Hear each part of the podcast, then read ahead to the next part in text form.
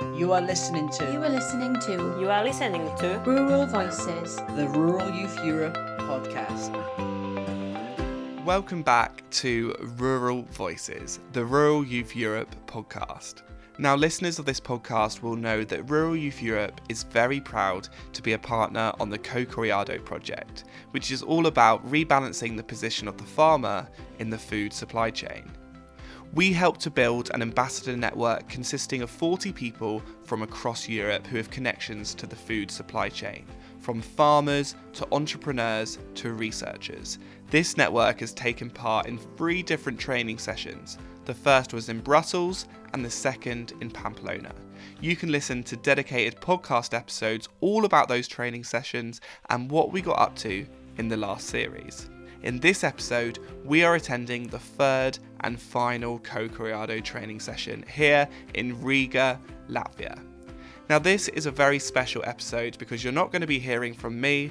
This is, in fact, co hosted by the ambassadors themselves. this is like the major strength of Cocoreado is that it brings so many people, so many partners, and it's a nice uh, place to share knowledge, but also to co-create. and I'm very glad to have been chosen as an ambassador to learn how can we improve uh, the food systems back home. Uh, we started two years ago. It's necessary in this world to talk about it and um, uh, go in the field, uh, talk with uh, um, uh, farmers. farmers like uh, are supposed to be very good in production but the times has changed and um, now new skills are required which is selling their production and uh, doing that in more sustainable way We had a very heated debate on choosing the perfect uh, message, and uh, the opinions were very divided. Through these networks, I have already connected different practices, different initiatives that I can use in Estonia. Now, at this training session, ambassadors were split up into different tracks depending on what part of the project they were most interested in. Rural Youth Europe was involved in track 3, which was all about campaigning for change. We were investigating how we can get the messages and outcomes of the Cocoreado project in front of the general public as well as policymakers. Over the years, Rural Youth Europe have been involved in lots of different campaigns via social media, at our events, and of course through this podcast. At the training, I ran a session all about podcasting and how we can use it as a tool to get our message across. At the end of the session, I gave the ambassadors the task of hosting their very own podcast episode about the project, and this is it. Keep listening to hear more about the ambassadors, what they've learnt from the trainings, the power of campaigning, and the strength of the Cocoreado network. Lorette, over to you.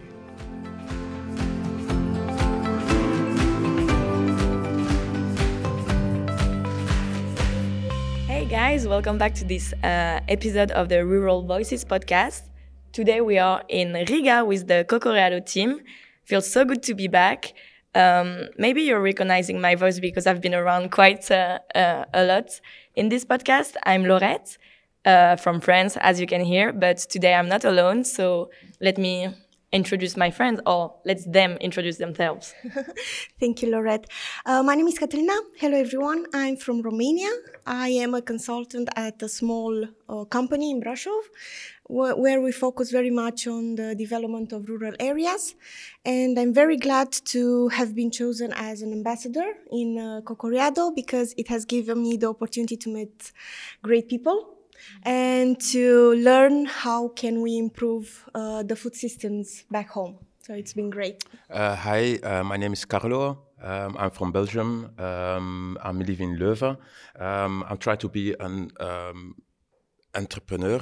Uh, we have like a, a catering a food business, uh, and that's uh, also the reason I'm interested in how we're gonna make uh, the food uh, strategies and how we're gonna make that uh, short chain uh, and how we're gonna make this little world world a better place.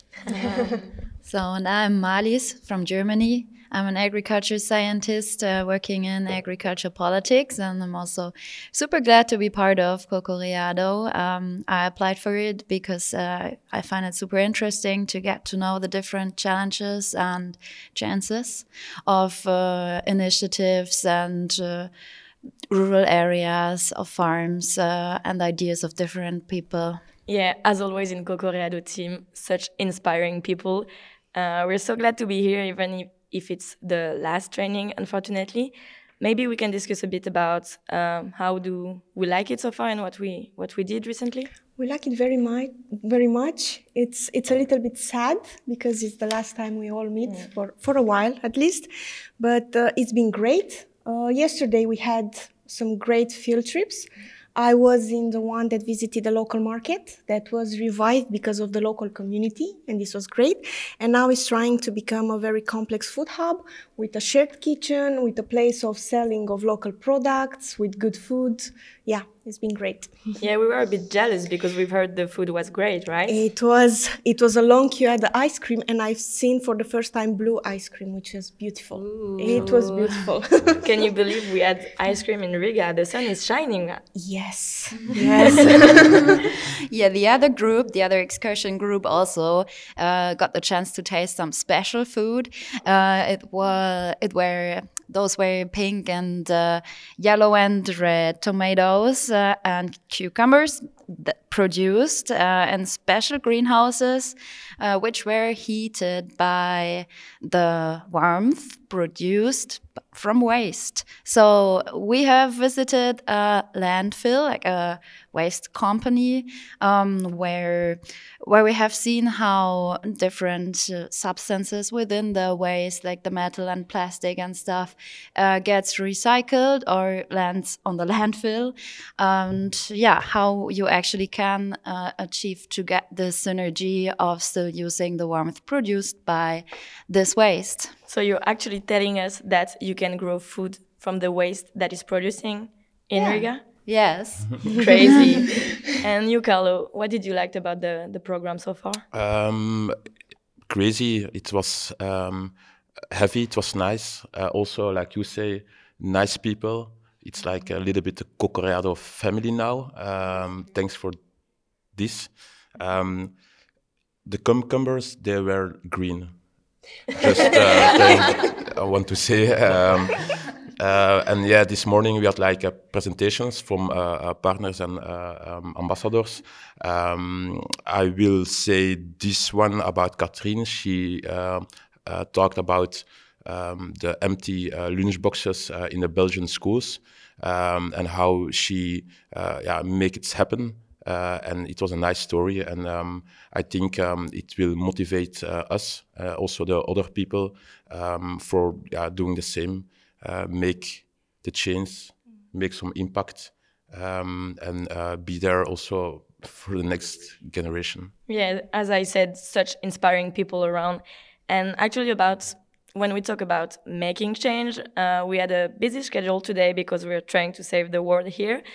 so, um, can we maybe talk about a bit more about what we did this afternoon and why we're doing this podcast also? Uh, we uh, today was actually about communication. So we're starting with how to communicate with policymakers, and then we continue with campaigning. Yeah, with campaigning, indeed. Yeah, so we figured out that it's super important to have a strategy when it comes to campaigning, especially campaigning to policymakers, which was, uh, yeah, the the task of our group to to find the the structure, to find the not just the target group, but also the uh, precise message we want to give to them, uh, we want to send to them, and how we would like to send to them, which tools we can use, which social media are uh, recommendable, and uh, yeah. So we have learned a lot this morning. We've been very busy, and we still continue to be busy during this uh, last, sadly, last Cocoreado training meeting.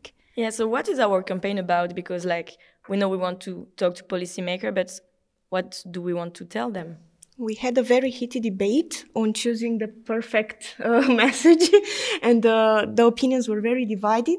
But at last, we decided on telling the policymakers that we would like to see the Cocoreado ambassadorship structure being implementing, implemented in more EU uh, research projects. Yeah, that's true because we really benefit ourselves as ambassador from this um, structure, but we also think that we can give a lot back to the research program.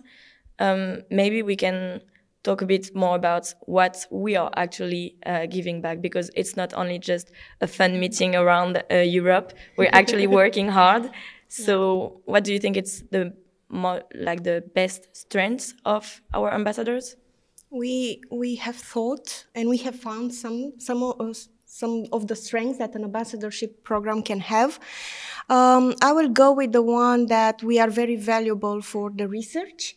We can be uh, an input to see how the methodologies are, if they are replicable, if they are easily to understood by, by stakeholders. So uh, yes, I, I, would I would go with this one, this one advantage. Yeah. Do you have something else to add?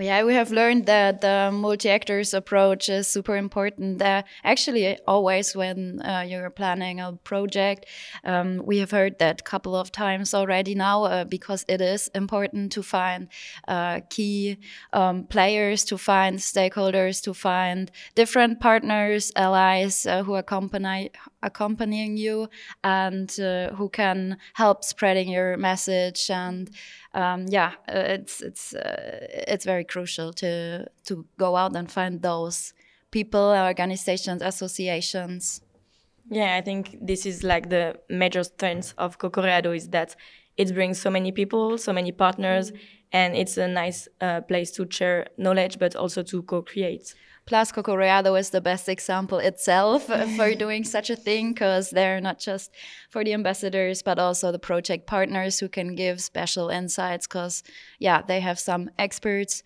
uh, every every training who can yeah explain us how they are working and uh, their point of view. Yeah, and actually, like we give a lot to this project, but this project is all about um, rebalancing farmers' position.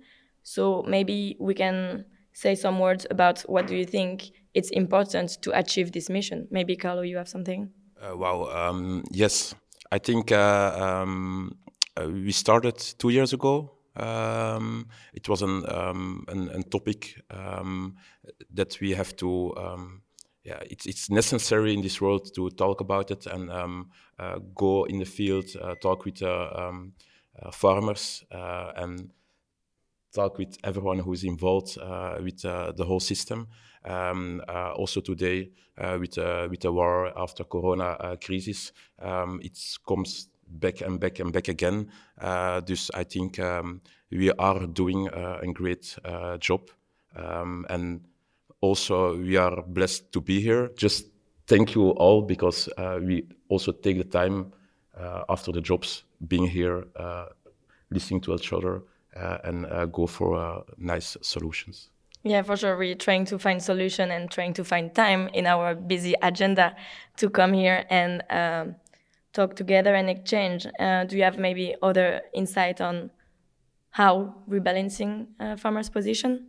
From from my point of view, I think the best thing will be to to integrate them, to not leave them alone, to uh, find solutions by themselves, but to try to integrate the, the small farmers into the local markets, in short supply chains programs like Oreco, which we had a presentation actually today about Oreco in Latvia.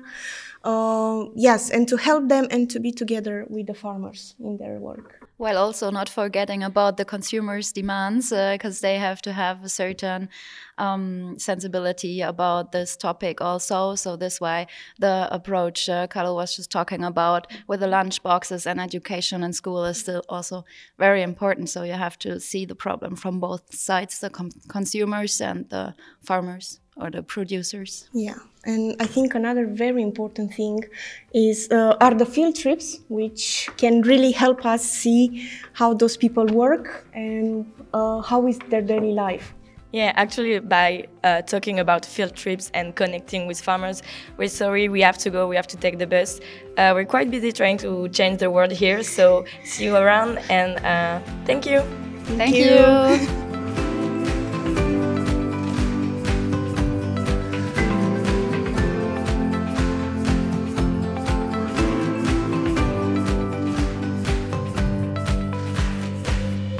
good evening, everyone. Um, my name is Daniel. Uh, I'm a Cocoreado ambassador on a European project um, that's based around strengthening the farmer's position on the supply chain, and I'm from Ireland. Joining me this evening, I have four fellow ambassadors. um, from a variety of different countries around Europe, and uh, they can introduce themselves now. So I think I'll start from my left here. I have Victoria. Hi, it's Victoria. I'm from Georgia, and um, I directly do farming.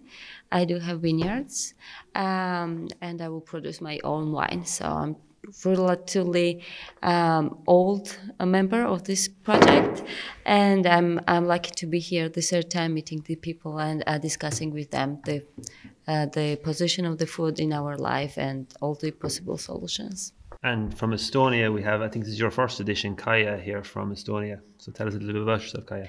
Yes, it's uh, my first time uh, here, and I'm relatively, actually not relatively, I'm very, very new ambassador. It's uh, my first training. I'm from Estonia. At the moment, I am working in Estonian Agricultural Research and Knowledge Center, but I also have a history in uh, uh, being a farmer, being a volunteer for a farming community, uh, working in policy making level, also for in an organization that is representing farmers.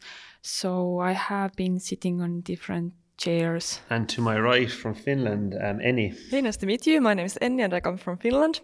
And my parents are farmers and I come from a rural area and I'm a biologist, nowadays studying dentistry. So yeah, happy to be here. And finally then from the Netherlands with Jolene. Yes, uh, hello everyone. My name is Jolene. Um, I'm from the Netherlands. Uh, I grew, grew up uh, on a dairy farm in the east of the Netherlands and um, it's a family farm, so I'm helping out uh, sometimes. And uh, um, my husband has an herbal farm, so it runs a little bit in my blood uh, uh farming. And um, I'm working uh, as a banker, so that's completely different, but also with farmers. So very good. And Jolien, where did you, how did you find out about the project, or how did you come to knowledge about the Cocoreado project? Yeah, I found out um, to see on the website and on the social media, LinkedIn, and I thought, yeah, it will be really interesting so to meet new people and get new insights. So also for me, it was like a big motivation to join the project because I think it's really important, or for my own um, uh, knowledge, but also to spread the word and to see what is going on in other countries and also helping out, but also take home uh, the voice of what is happening in Europe. Excellent. Uh, Victoria, um, I suppose, what do you feel are the biggest challenges that are facing farmers from, I suppose, from what you've seen on the project and listening to other farmers? Oh, uh, that's a good question. So I can speak from my side and also uh, listening for a number of other farmers as well and uh, people who support farmers research or um, development of business models. Um, I have found very interesting linkages and similarities between the uh, problems and issues that farmers um, uh, face every day. Um, I think the biggest one is um, farmers like uh, are supposed to be very good in production, but the times has changed and um, now new skills are required, which is selling their production and uh, doing that in more sustainable way. Um, and uh, this is a dilemma for many farmers to catch up with um, all, all these possible um, innovations and ways to sell their, their produce directly to customers and get benefit and um, they feel more um, uh, being in a fair system yeah. And i suppose what outcomes like we see the, the, the aim of the project is to strengthen the farmer's position on the supply chain. And i suppose that's bringing them that step closer to the consumer. Um, like I suppose, what, outcomes like are, are, are the are the Cocoreado project trying to work towards? Like, mm, I think that that uh, directly links to the, the, the project goal to to change this, uh, especially focusing on youth youth farmers, and um, I think the best thing that the project will uh, provide to farmers is collection of best practices uh, that will be shared worldwide, and it will be published on Cocoreado webpage as well. So it is in the process to collect different initiatives and best practices worldwide. Europe-wide, at least, uh, so we get familiar to few uh, few approaches and have been discussing a lot around it and how successful, how what made those in, innovative approaches successful, and it's quite impressive how how some some smart people developed some good approaches that could be replicable and shareable for other farmers, so they can improve their their markets. Fabulous. And Kia, I suppose, um, like what connections do you feel you've benefited from being part of the project that you, you know that you can bring back to Estonia, like from people you've met and you know connections? Have you have you felt you've met connections from from being on the project last two days here in Riga? Yes, I have actually benefited already uh, so much from this network, and this uh, pan European network was one of my main motivations actually to get into this uh, program.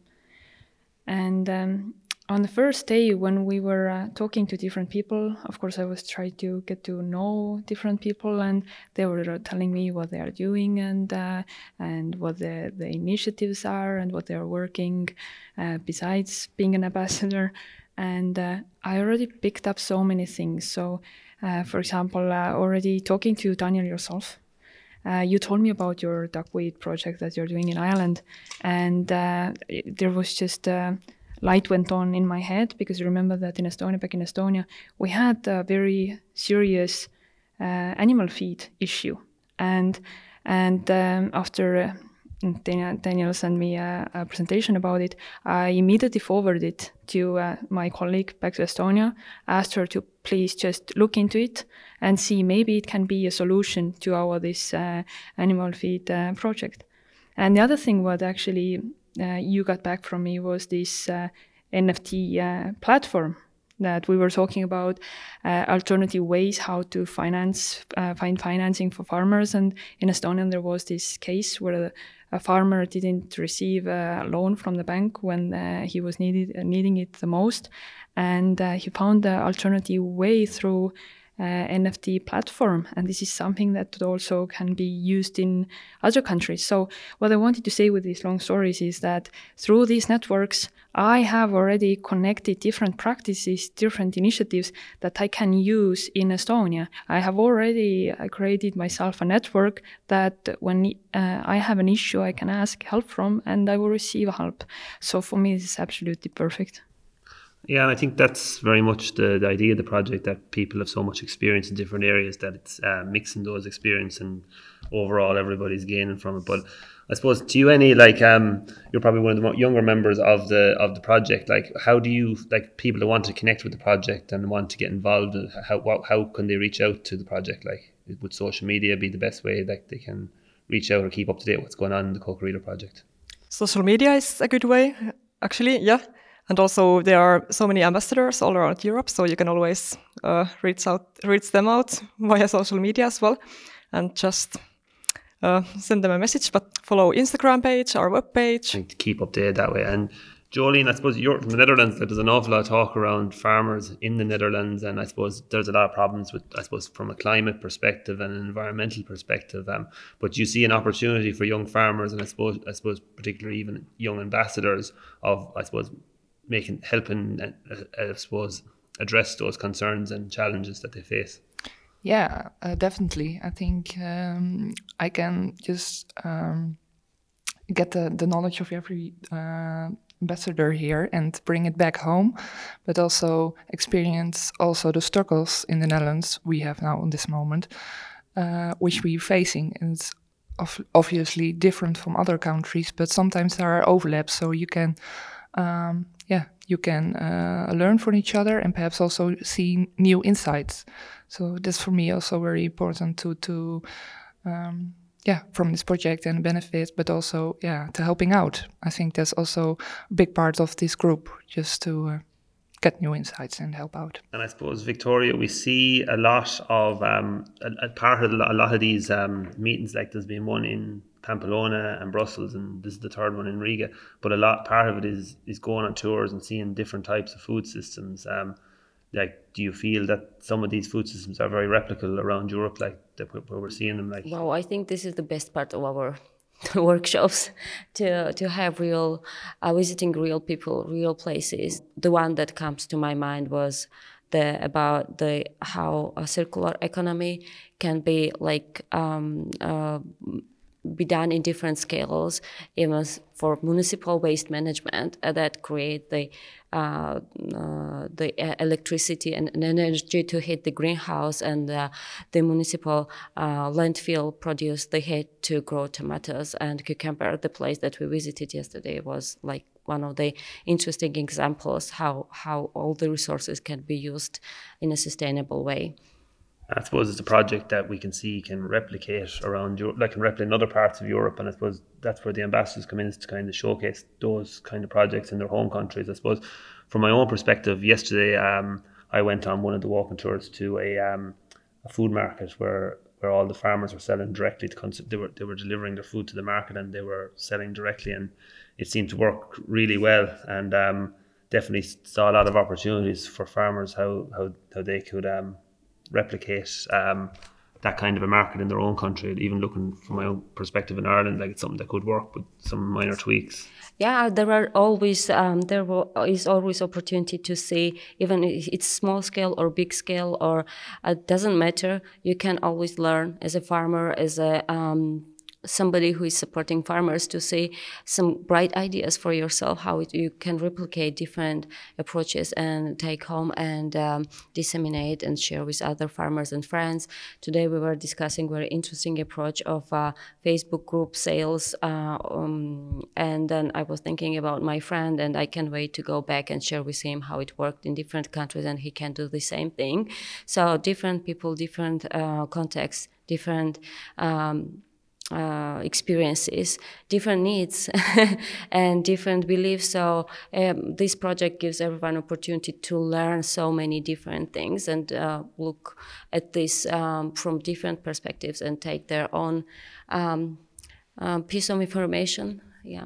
Excellent. And I suppose like it's tw- it's 40 ambassadors in over 23 countries um, with 13 partners. So it's a it's a pretty extensive project, and we we see an awful lot it. Like um, that was was great to be joined by Victoria and um, Kea and Eni and Jolene on tonight. My name is Daniel, and um, that was the addition to today's podcast. And to, I said thanks for listening.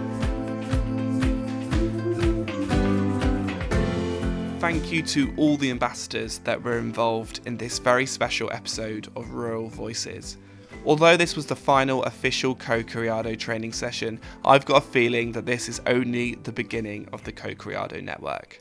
As always, as mentioned in the last conversation, to keep up to date with all things Cocoreado, make sure you are following the Cocoreado social media channels to keep updated with what the Ambassador Network is doing next. Our main focus here at Rural Youth Europe is now turning to our European rally this summer.